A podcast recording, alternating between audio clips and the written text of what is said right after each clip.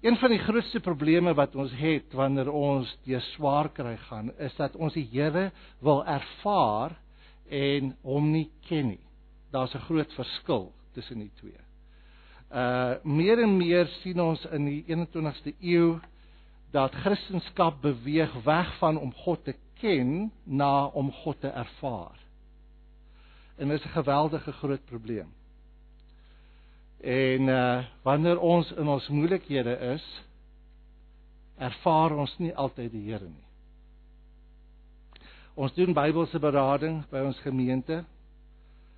En uh wanneer ons dit doen, vat ons mense na Jesus toe. En dis wat ek ver oggend wil doen. Ek wil jou na Jesus toe vat. Gaan asseblief saam met my na Markus hoofstuk 6 en dit is nou hier waar ek nou gaan oorslaan in Engels. En uh die konteks is verskriklik interessant want in hoofstuk 6 is dit 'n wonderlike bedieningsdag. Uh daar is 'n klomp mense. Uh die Bybel sê met tye praat hy van 5000 en dan praat hy net van 5000 mans. Maar daar kon tot en met 11 of 12000 mense gewees het die dag toe Jesus die mense gevoer het met brood en vis. En uh ek weet ons het nou al almal hierdie storie gelees en ons het ons ervarings en ek gaan lees van uh vers 33 net om die konteks te skep en dan gaan ek vir julle wys waarmee Jesus besig is in die middel van hierdie trauma wat sy disippels gaan ervaar en hoekom hy toelaat dat hierdie moeilikheid in hulle lewe inkom. Vers 33. The people saw them going and and many recognized them and ran there together on foot from all the cities and got there ahead of them. When Jesus went ashore, he saw a large crowd, and he went and, and he felt compassion for them because they were like sheep without shepherd, and he began to teach them many things. When it was already quite, uh, quite late, his disciples came to him and said, This place is desolate, and it is already quite late. Verse 36 Send them away, says Jesus, so that they may go into the surrounding countryside and villages and buy themselves something to eat. But he answered them, You give them something to eat. And they said to him, Shall we go and spend two hundred denarii on bread and give them something to eat? And he said to them, How many loaves do you have? Go, look. And when they found out, they said, Five and two fish. And he commanded them all to sit down by groups on the green grass. They sat down uh, in the group of the hundreds and of fifties. And he took the five loaves and the two fish, and looking up towards heaven, he blessed the food and broke the loaves, and he kept giving them to the disciples to set before them. And he divided up the two fish among them all. They all ate and were satisfied. And they picked up twelve full, twelve full baskets of broken pieces and also of the fish. There were five thousand men who ate the loaves. Verse 45. Immediately, Jesus made his disciples get into the boat and go ahead of him to the other side to Bethsaida, where he himself was sending the crowd away. After bidding them farewell, he left for the mountains to pray. When it was evening, the boat was in the middle of the sea, and he was alone on the land. Seeing them straining at the oars, for the wind was against them at about the fourth watch of the night, he came to them walking on the sea, and he intended to pass past them. But when they saw him, verse 49, walking on the sea, they supposed that it was a ghost and cried out, for they all saw him and were terrified. But immediately he spoke with them and said to them, Take courage, it is I, do not be afraid. Then he got into the boat with them, and the wind stopped, and they were utterly astonished And this is why the Lord allowed it. Look at verse 52. For they had not gained any insight from the incident of the loaves, but their hearts were hardened. The theme of this sermon is not Jesus walking on the water. The theme of this sermon is the perfect Savior for hard hearted Christians. We need to put our suffering into a, prop- a properly biblically founded doctrine of suffering. We need to put our suffering and we need to see it through the eyes of the Lord. Whenever you come to Scripture, you find over and over again the word suffering. When we are saved and God brings us to Himself, He doesn't put us in a bubble that protects us from the difficulty that will come. What did Jesus say to His disciples? In this world you will have trouble. You will be persecuted. You will age. At age 50, everything's going to sag. At the age 60, everything's going to stop working. At the age 70, 80, they're going to put you in the ground. Suffering is part of every human being because of sin. Sin came into this world, and when sin entered, the whole nature, according to Romans chapter 8, was subjected to futility, so that you and I will not find our home here. As human beings, we are extremely good at making earth home, making earth heaven. We work and we labor and we think in such a way that we want to find life here. But Jesus will not allow that. Having been in the ministry for a very uh, short period of time, you can call me nut achter die ore. I have seen one of our greatest problems is to want to make earth heaven. That's exactly what the Lord Jesus Christ saw his disciples do on that day. It was a good ministry day.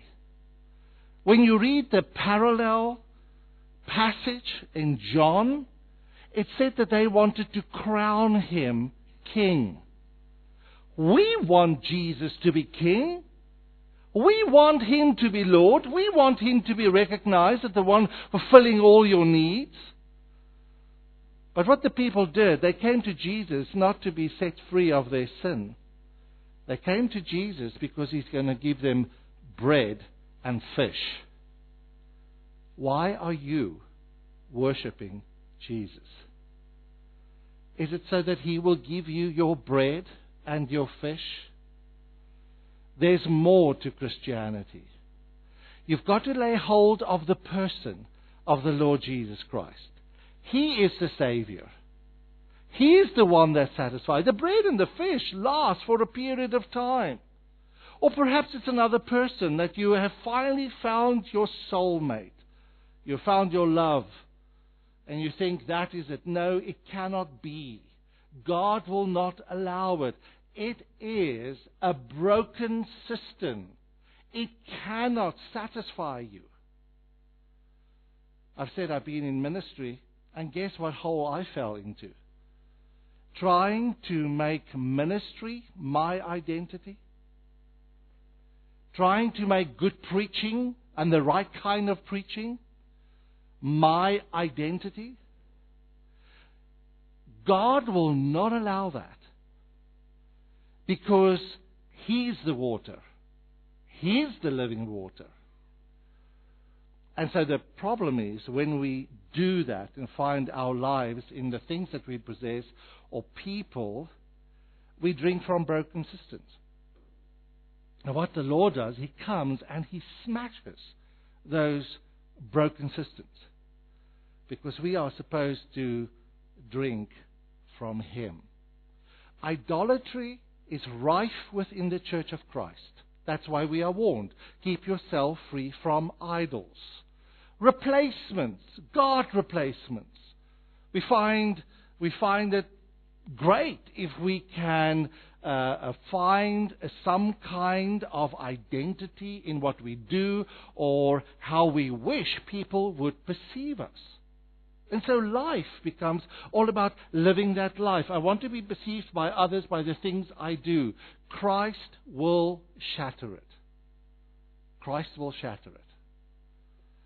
Whenever we find ourselves in life, from time to time, He is going to lead us into the wilderness. And there He's going to have His way with us. Now, we have to know it is a gracious God. It is a wonderful Savior He's got more in store for you than just a comfortable life. He wants you to lay hold of Christ. Turn with me for a moment in your Bibles to Deuteronomy chapter 8, verse 2. And here we find what happens. And just as we can compare this verse with the rest of Scripture to see that we are not on a rabbit trail here. In Deuteronomy 8, verse 2, Moses reminds the people, and uh, we need that reminder the whole time. Deuteronomy 8 verse 2, you shall remember something that you shouldn't forget. When it comes to suffering, there's a lot of theology to learn. There's a lot about God you need to learn. Don't forget it. You shall remember all the way which the Lord your God has led you in the wilderness these forty years, that he might humble you, testing you to know what was in your heart, whether you would keep his commandments or not. It is not that God brings us into hard circumstances so that he would find out what is in our heart. No, he brings us into, into hard circumstances so that we would know what is in our hearts. Self knowledge for the Christian is as important. If you think this is heresy, I'm I'm willing to talk to you afterwards. Self knowledge about self is as important as the knowledge of God.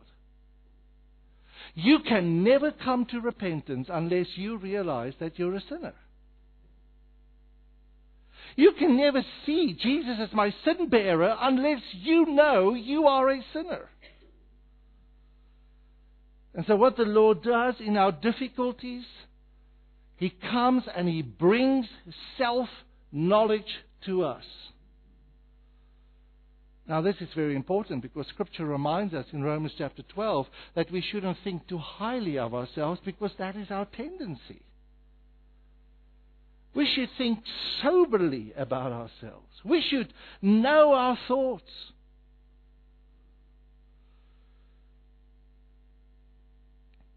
I want you to to look at the text again. And it said that they had gained no insight and they were hardened in a very specific place. It says that they were hardened in their hearts. Now, whenever we think about heart, we think about Hollywood that tells us a heart is that place where you feel those nice feelings. But when we come to Scripture, heart is far more than that. When we come to the Scriptures, we read Proverbs 4, verse 23, that says, Watch over your heart with all diligence, for from it flows the springs of life. What it means is that man is two parts. He's an outer man, he's an inner man. The inner man is the control center.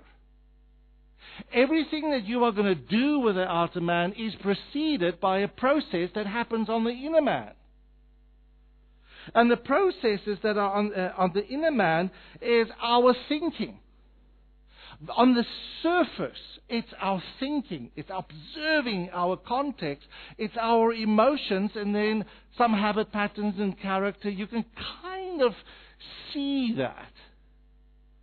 But on a deeper level, and this is where all the motivation lies, is my thinking reveals my faith. It reveals my belief. That's what he's talking about. My emotions reveals my desire. When do you get angry? what need must be met for you to be happy? And then, of course, there's the behavior that is nothing else than showing us who we worship. That's our functional God. That's where we make our commitments. That's the one we bow down to. But all behavior is preceded by the heart. That is what the Lord is after. Are you experiencing difficulty today? It might be death in the family. It might be a bad diagnosis. It might be financial or marital disunity. An unsaved spouse, an unreasonable spouse. I want you to know this and don't forget this. God is after your heart. He wants you to see your faith. He wants you to see your desires. He wants you to see your commitments. He wants you to come to a self knowledge so that Christ may be bigger and greater. Whenever the Bible speaks about the heart, as I've said, it refers to the control center. And God gives us a few definitions in Scripture of how He evaluates our heart in Genesis chapter 6, verse 5, it says that the Lord looked at the heart of humans after the fall. That's your heart and my heart. And he saw that every intent and thought of the heart was continuously evil. That's our heart, even after salvation. I hope you, you are honest enough to realize that, that uh, even after salvation, we still struggle with our hearts. The charismatics have ascended on our church. And it's one of the most difficult things. There are two things you need to help them with. The first thing you need to help with them that it's not about experiencing God, it's about knowing God. And the second thing you have to help them understand is that you are a sinner, saved by grace. You haven't become sinless. That's a heresy. And so often the verse is quoted, this is a trustworthy statement that deserves full acceptance, that Christ Jesus came into this world to save sinners, of who I am the foremost, says Paul at the end of his life, not at the beginning. So when the Lord looks at our hearts, he sees that our natural response is that every thought and of the heart will only be evil. When David was anointed, he said to Samuel, he said, I look at the heart, you look at the outer man. In Mark chapter 6, verse 20 to 21, Jesus said, It's not what goes into the body that makes a man unclean, but what comes out of his body that makes him unclean. And the first thing he mentions is the thoughts, which is the umbrella of the heart. You want to know what's going on in your heart? Listen to your self conversation. Listen to it. And you will soon realize it is not so in line with Scripture as you would want it to be. Jesus warned us. I know this is a long introduction, but please allow me to do that, to set the eggs in a basket. Jesus said it is possible to worship God with your mouth, but not with your heart. It is possible to worship Him with your body and even be present here.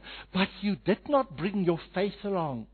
You did not bring your desires to subject it and arrange it under God, nor your commitments, nor your motivations, nor your character and your habit and your habits. It is possible that we can do that. And so the Lord, in His grace, comes and he sends us difficulty. He sends us trials.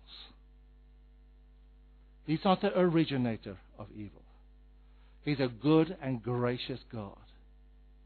But He sends us difficulty because we are so self centered and He wants us to get our eyes upon God, upon our Savior. What is a hardened heart?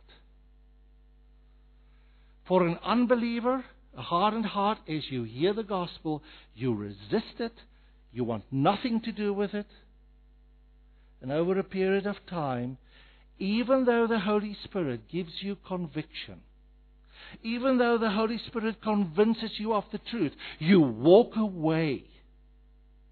You do not swallow the truth.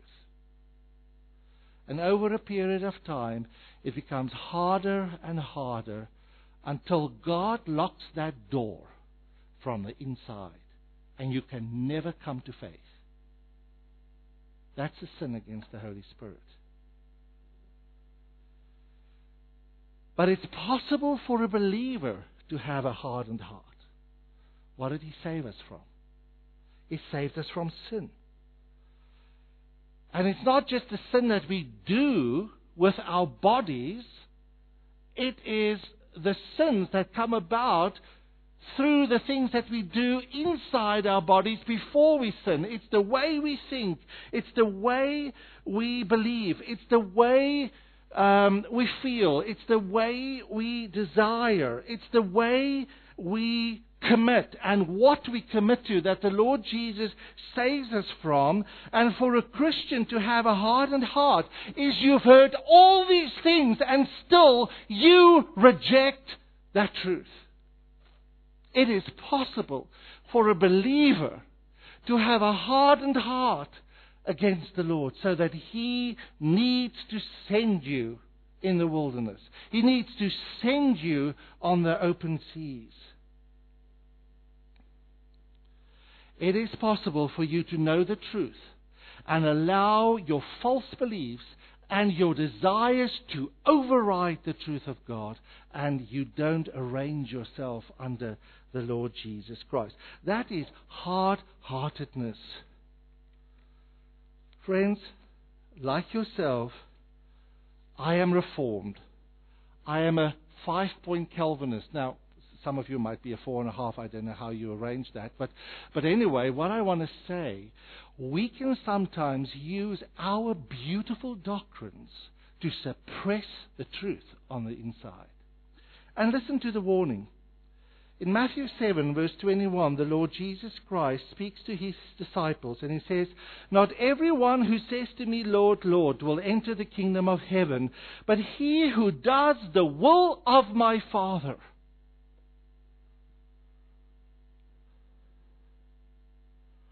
If you continue in disobedience, I don't care whether you belong and whether you believe in the doctrine of election.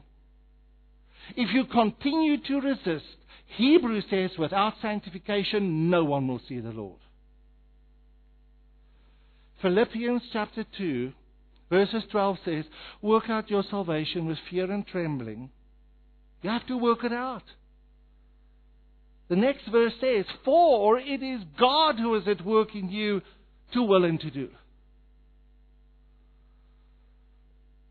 We, it's not enough to have our five points.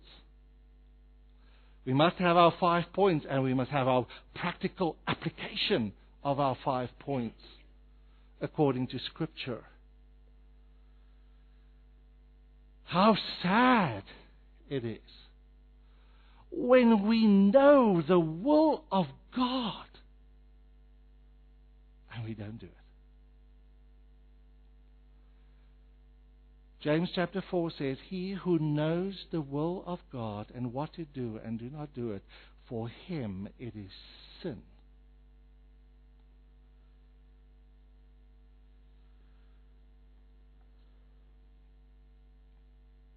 We see our hearts in our decision making. Have you seen how people make decisions? I'm getting a new job. How do you know it's God's will? It's an open door. It's an open window. It might be a lift shaft door.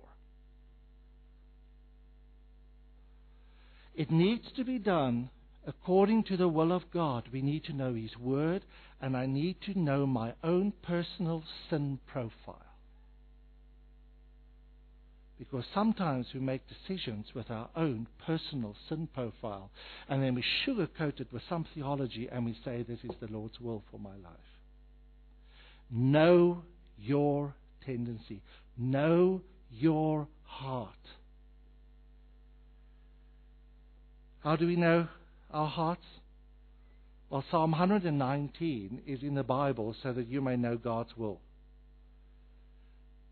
So that you may know His will, so that when you refuse it and when you know it, it's in your mind, it will come and it will convict you.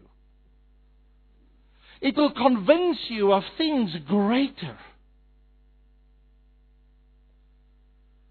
Psalm 19 is another.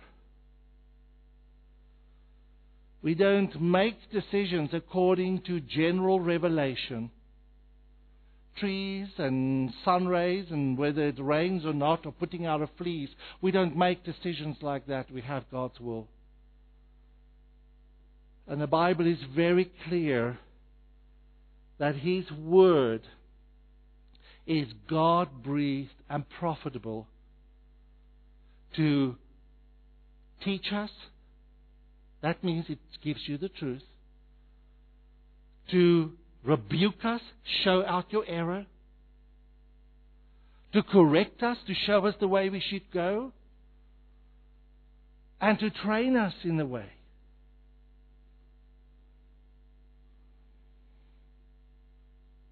So I want to say to you this morning it's a good thing when difficulty comes because it's going to reveal our hearts.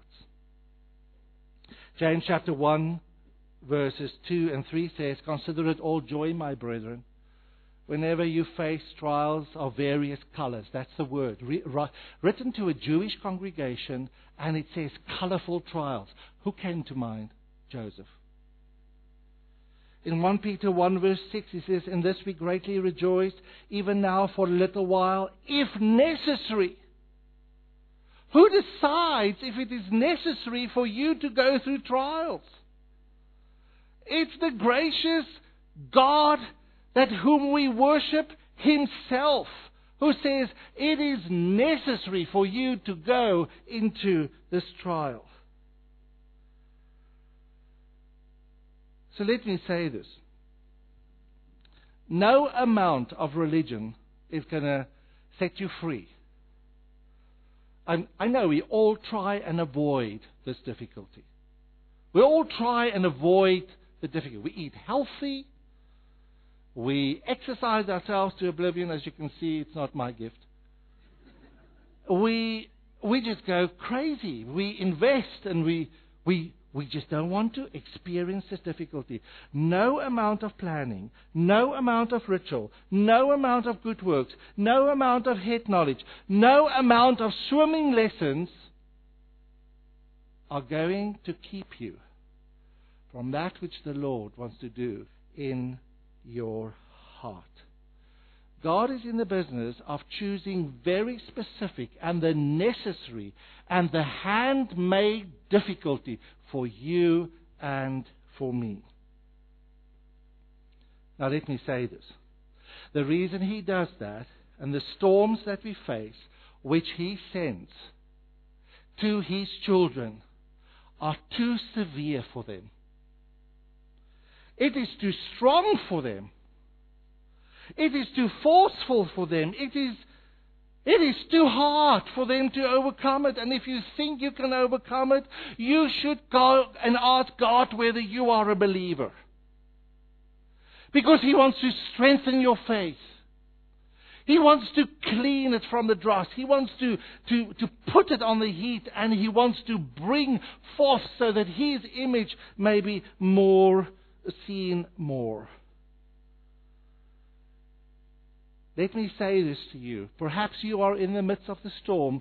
Perhaps you feel the water changing and the wind are heading your way. Wherever you are, at this very moment, there is trouble heading your way.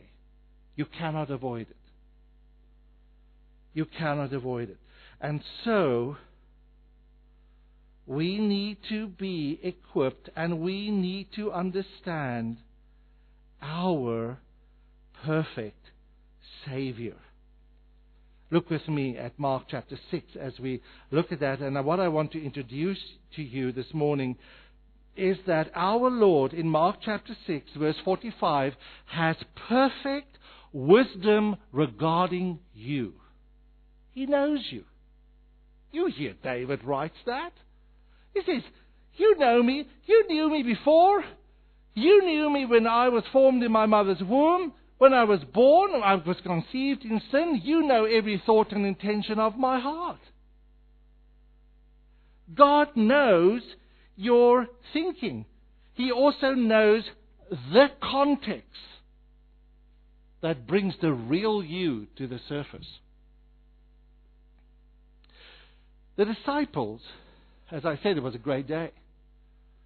Here's their Savior. He's finally recognized as the King, a social King. They looked at the bread and the fish multiply in his hands, a great doctrine. He is creator. Colossians 1 tells us that Christ through him all things was made by him and for him. He was there. They witnessed the multiplication, the creation of a meal in his hands. Who doesn't want a savior like that? We want that. But they didn't recognize him as creator. They didn't look at the creator. They looked at the gift that the creator had to offer. We can build a church. We can promise people healing. We can promise them health, wealth, and prosperity, and they will come. And we know that works, don't we? But that's not the real gospel. It's a false gospel. It's a fake gospel. It's a satanic gospel. So he was feeding 500, and Jesus knew that they were tempted, thinking by themselves, Ha! if he's king, what's going to happen to the 12 of us? Hey, we're going to sit on thrones and we're going to be judges. No more fishing. We are just going to be in a wonderful position. They had no desire to depart. It was good. It was good. This is the height of the popularity of the Lord Jesus Christ. Jesus is king. He's starting to be recognized. This is a growing movement. He is going to usher in the kingdom, which means prestige and popularity for us. But look what he does. It says immediately, suddenly, just like that. That's how trials come. He sends them over to the backwoods. He sends them out of the prosperity into the difficulty. Jesus knew exactly what he was doing. It was necessary for these self centered people to go to the other side of the lake. Jesus, his wisdom about your insides. I'm not talking about your organs. Talking about your thinking, your faith, desires, your commitment. He knows it perfectly. It is on display in front of the Lord. They wanted success. He was after holiness. They need to continue with the gospel after he's left.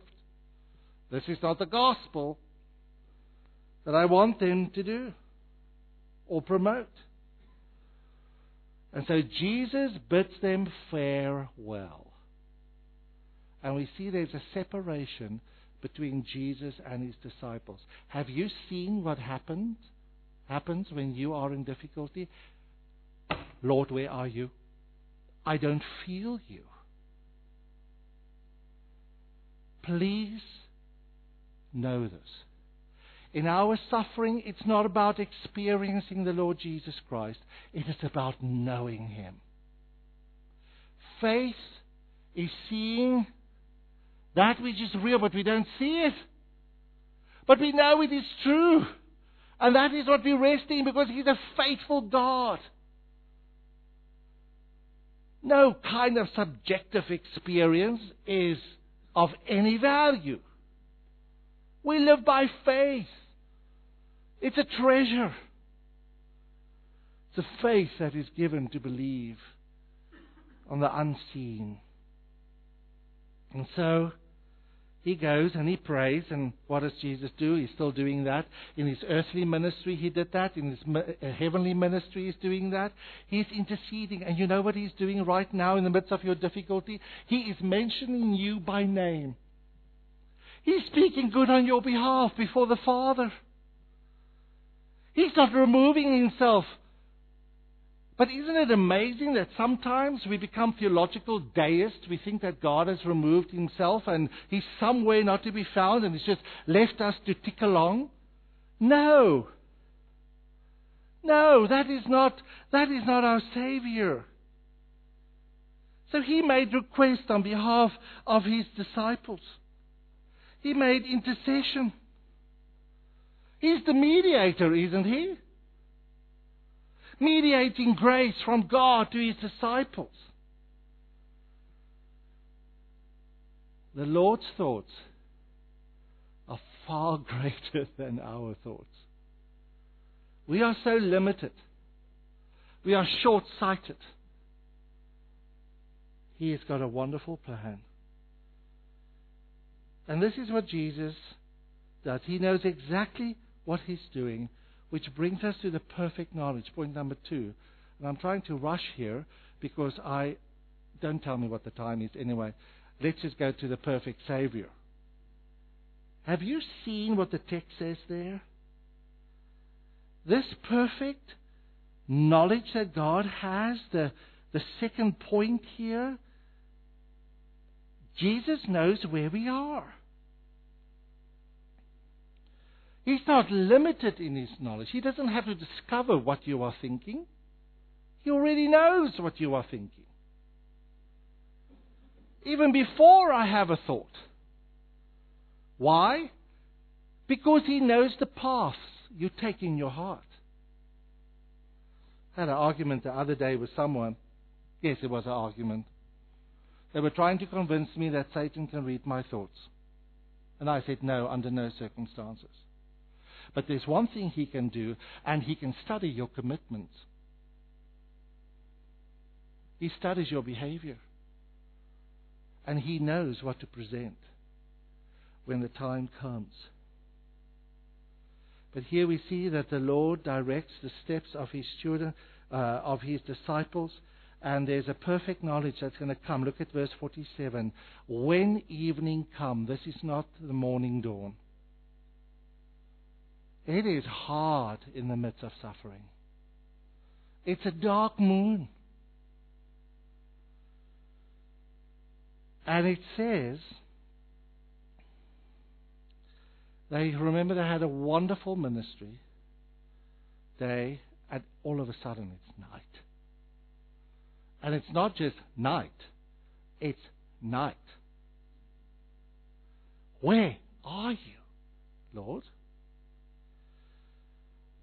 And look where they find themselves. The boat was in the middle of the sea, away from the land, away from the shoreline, a considerable distance, some say about nine kilometers away from where Jesus said farewell. Jesus was alone. And again, this picture of separation, perceived separation. They were vulnerable. They were far away. They were helpless. They didn't have all the stuff we have today. By the way, these men knew that this storm was a devastating one. Remember, they were not newcomers to the Sea of Galilee. They grew up on its shores. They know how tumultuous it is, and it can take your life. But look at verse 48. And I want you to see this because it's so beautiful. It's night, in the middle of a storm, the most dangerous time. And look what it says in verse 48 seeing them straining at the oars. This is maybe 10 kilometers into the darkness. Can you see anything in the midst of a storm away when you're in difficulty? No, but Jesus can. He's all knowing. He's present with them with his eyes. He's right there in that situation with them.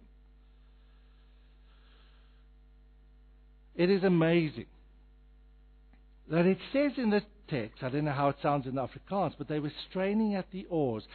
The stuff that they had to help them didn't work. The oars didn't work. They were fighting the oars. It was, they were probably slapped around by the stuff that they thought could get them to the other side and save their life. God took them into a situation that was beyond them. And if you're a Christian, you should rejoice because Jesus sees that. He sees that. He sees it. He's very intently aware of everything that is going on on the inside. And did he not say, Come to me, all who are burdened and heavy laden, and I will give you rest? Do you run to him when you are there, or do you question his theology? Do you question his character? No, come to him. He says, Come to me. We can reflect upon his person. We can reflect upon his work. We can re- reflect upon the perfect Savior because he is perfect. Three weeks ago, I thought I was going to end up in Denmark. Just to find out I have a disease that I can't pronounce. Autoimmune something, something, something, and something that's got to do with pernicious anemia. I don't know if anyone knows what that is. I thought I had MS or something weird. It was crazy. I thought, what are the people going to say? Here is a biblical counselor that believes in the sufficiency of Scripture, and he's in Denmark. Jesus sees. It's amazing what vitamin B can do for you. We are very thankful for that. Jesus saw them. Jesus sees beyond our physical realm. He sees behind it, friends, and he sees perfectly. There were straining, there were heavy waves, adverse gust crashing against them. But Jesus knew absolutely perfectly. Here's the danger, though. Don't use your emotions to gauge His love for you. Your emotions are subject, they change. Don't use your circumstances to gauge His love for you. Your circumstances change. Don't even use your thinking it changes. Stand on His word. You said you are such a God, and I'm going to trust you. Which brings us to the, the third aspect of who our Savior is the Savior of perfect timing. That's in the second part of verse 48. At the fourth watch, at the fourth watch, it's very in- interesting information. It's when the soldiers, um, some other fresh soldiers got onto the walls to protect Jerusalem. It was also a time of prayer. It was close. The night was almost over. The sun was about to get there, but it's still dark. But do you know that that's the darkest time of the night? At the darkest time, Jesus came to them. They must have struggled for a considerable time. Don't doubt God's character when your suffering endures for a long time. But know this that He will strengthen us as the difficulty continues. They are on the open seas. They are tired. It's the fourth hour. And it says in our text, He came to them at the darkest hour when the storm was most severe. At the perfect moment. Not according to my agenda, because we wouldn't, at, at, at this point, we are so out of it. Jesus, you should have come earlier. Yes, so that you don't have to experience my grace and my strength. There are times in our lives, my dear friends, when God intentionally delays, and perhaps you hear this morning. But you have to know that delay is for your good, it's not for your harm. You see, we want it immediately because we are so selfish and we are so set on what, on how wonderful we can make this life, which is going to be destroyed by fire. And he comes. Who does he come to? Those who are at the end of themselves.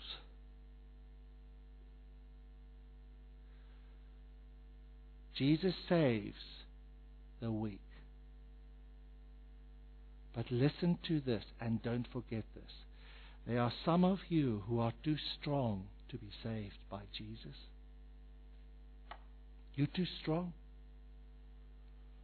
You're too reliant upon yourself. He does not come to those who are strong. But he might delay for those who are weak. But he comes to those who are at the end of their strength, at the end of their energy. And how does he come to them? He comes to them, number four, as a perfect Savior walking on the water. This is dramatic. I've never seen someone walk on water, have you? This is dramatic. With a note of triumph, with a note of authority, with a note of victory. His power is on display. He's going against the laws of nature. He did not swim to them. Hey, I'm on your level. Can you give me a hand out of this water? He didn't row to them and say, hey, we're in the same boat, you know, let's just kind of figure this out. He didn't come to them needing assistance. Let's put our efforts together. God helps those who help themselves. What a lie out of the pit of hell. No, Jesus came as the only Savior so that He will receive the glory.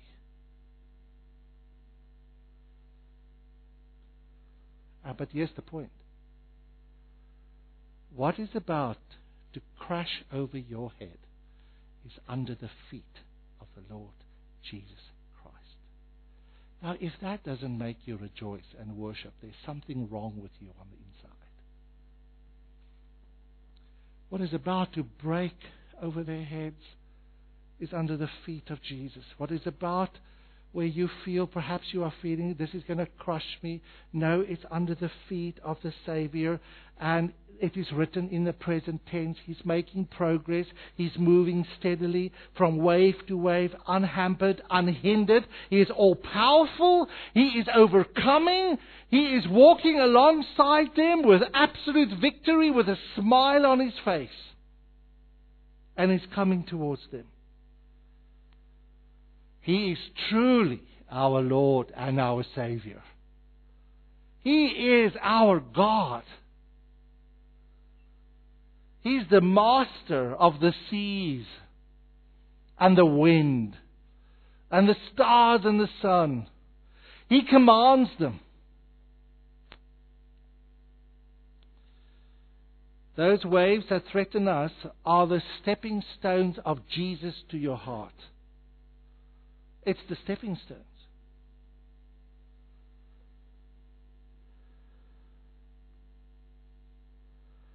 And it tells us that he drew near to them in their difficulties. I think this is the theology of suffering. this is a, a shield around us when we have suffering, when we have difficulties. Lord, this suffering is a stepping stone to my heart. Thank you that you have not abandoned me.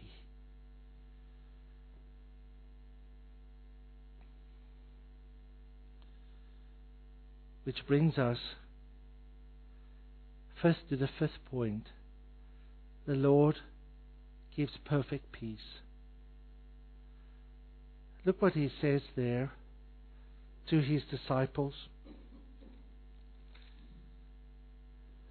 This is the peace that he is in the middle of the storm. He doesn't just leave us there. He says, Take courage. It is I. Do not be afraid.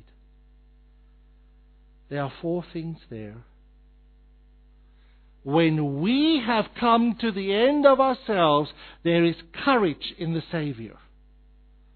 His person and his work is perfect. He says, Take courage to those who do not have courage. And then he says, Do not be afraid. It's an imperative, it's a command. It's something you have to obey in the midst of your suffering. You have to obey it.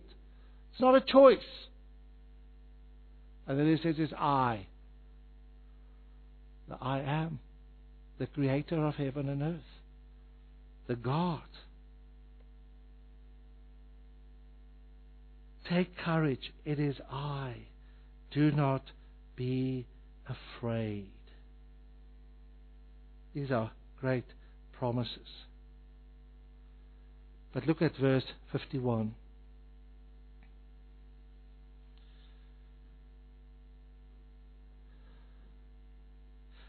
I just need to go back to verse 50. I've got something. That's when you do it electronically. It says in verse 50, and this is a very important point, they all saw him and were terrified. Verse 49 tells us they supposed that it was a ghost. There's great truth for us in our difficulty. Sometimes when we suffer, we look at the front door. We want Jesus to walk into the front door, and he comes in the back door.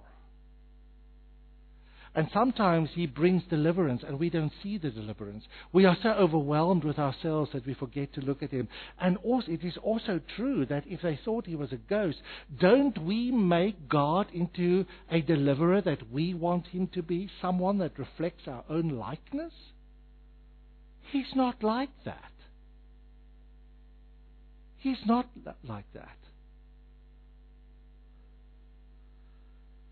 Verse 51 is the final aspect, the perfect control.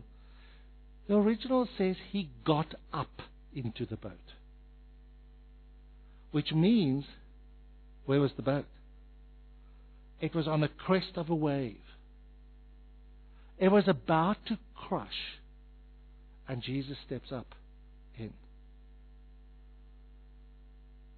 And everything, without a word, everything became calm. Some of you might have experienced the intensity of waiting upon the Lord when I have suffering. But can I just take you quickly to 2 Corinthians chapter 4 and show you what that delay does in us? Because there are some of you that need to hear this. 2 Corinthians chapter 4 tells us about this suffering. Paul speaks about it.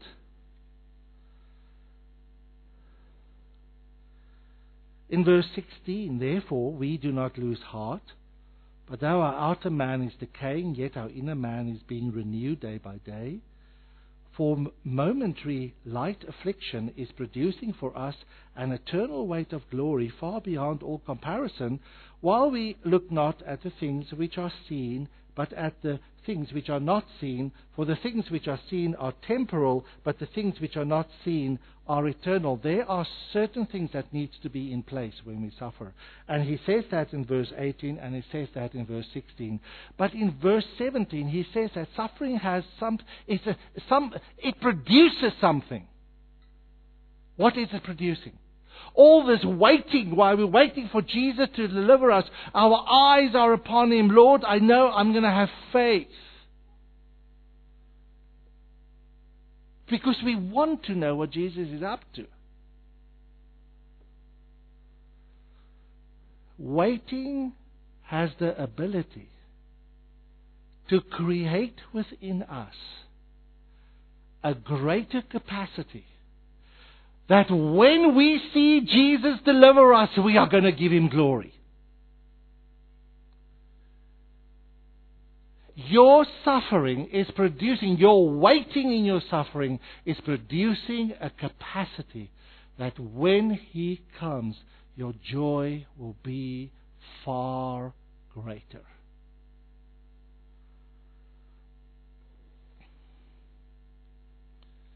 Suffering is something that you and I are going to experience all our lives. Look at verse 52 just in closing. They were amazed. They were amazed.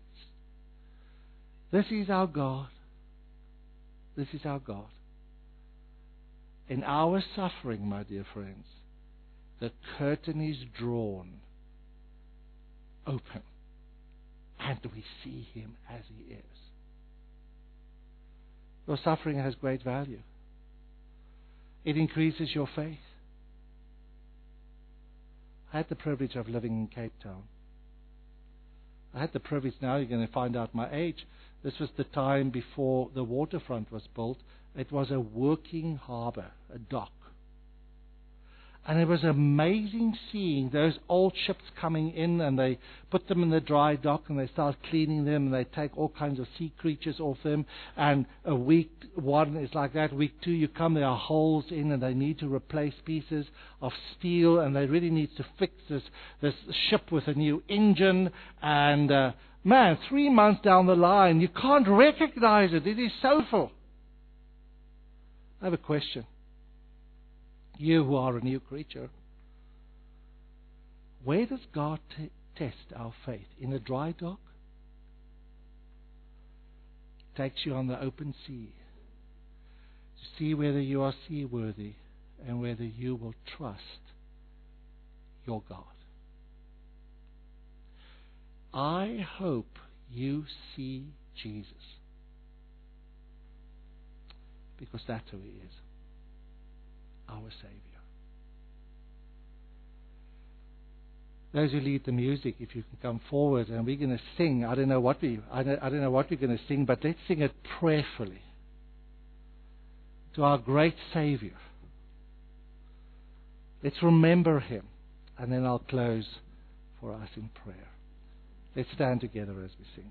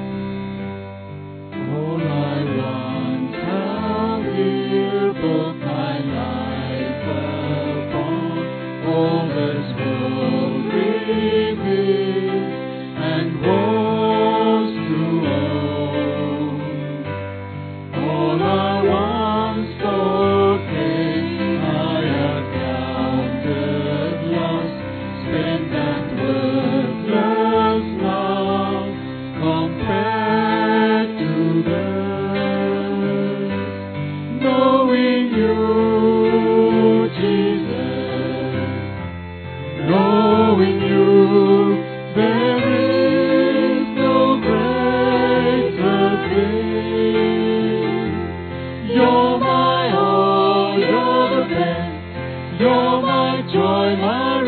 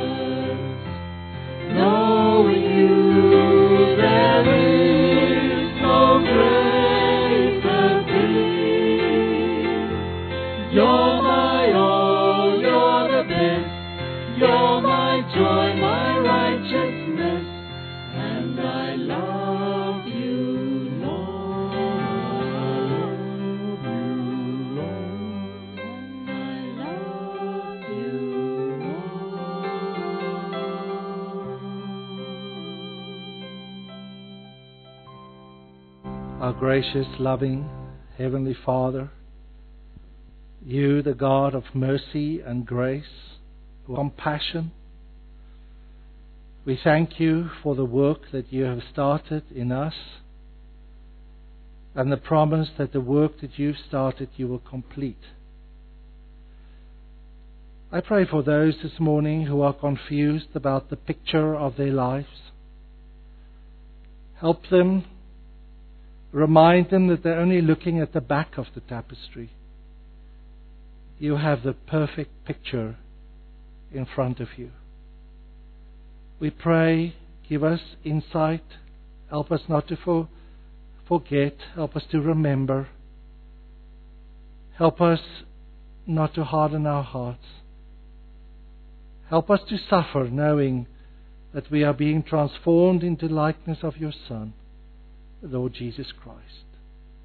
But now, to you, our God and Savior, our Lord Jesus Christ, who is able to present us before the throne without fault and without blemish. To you be all the glory and the praise forever. Amen.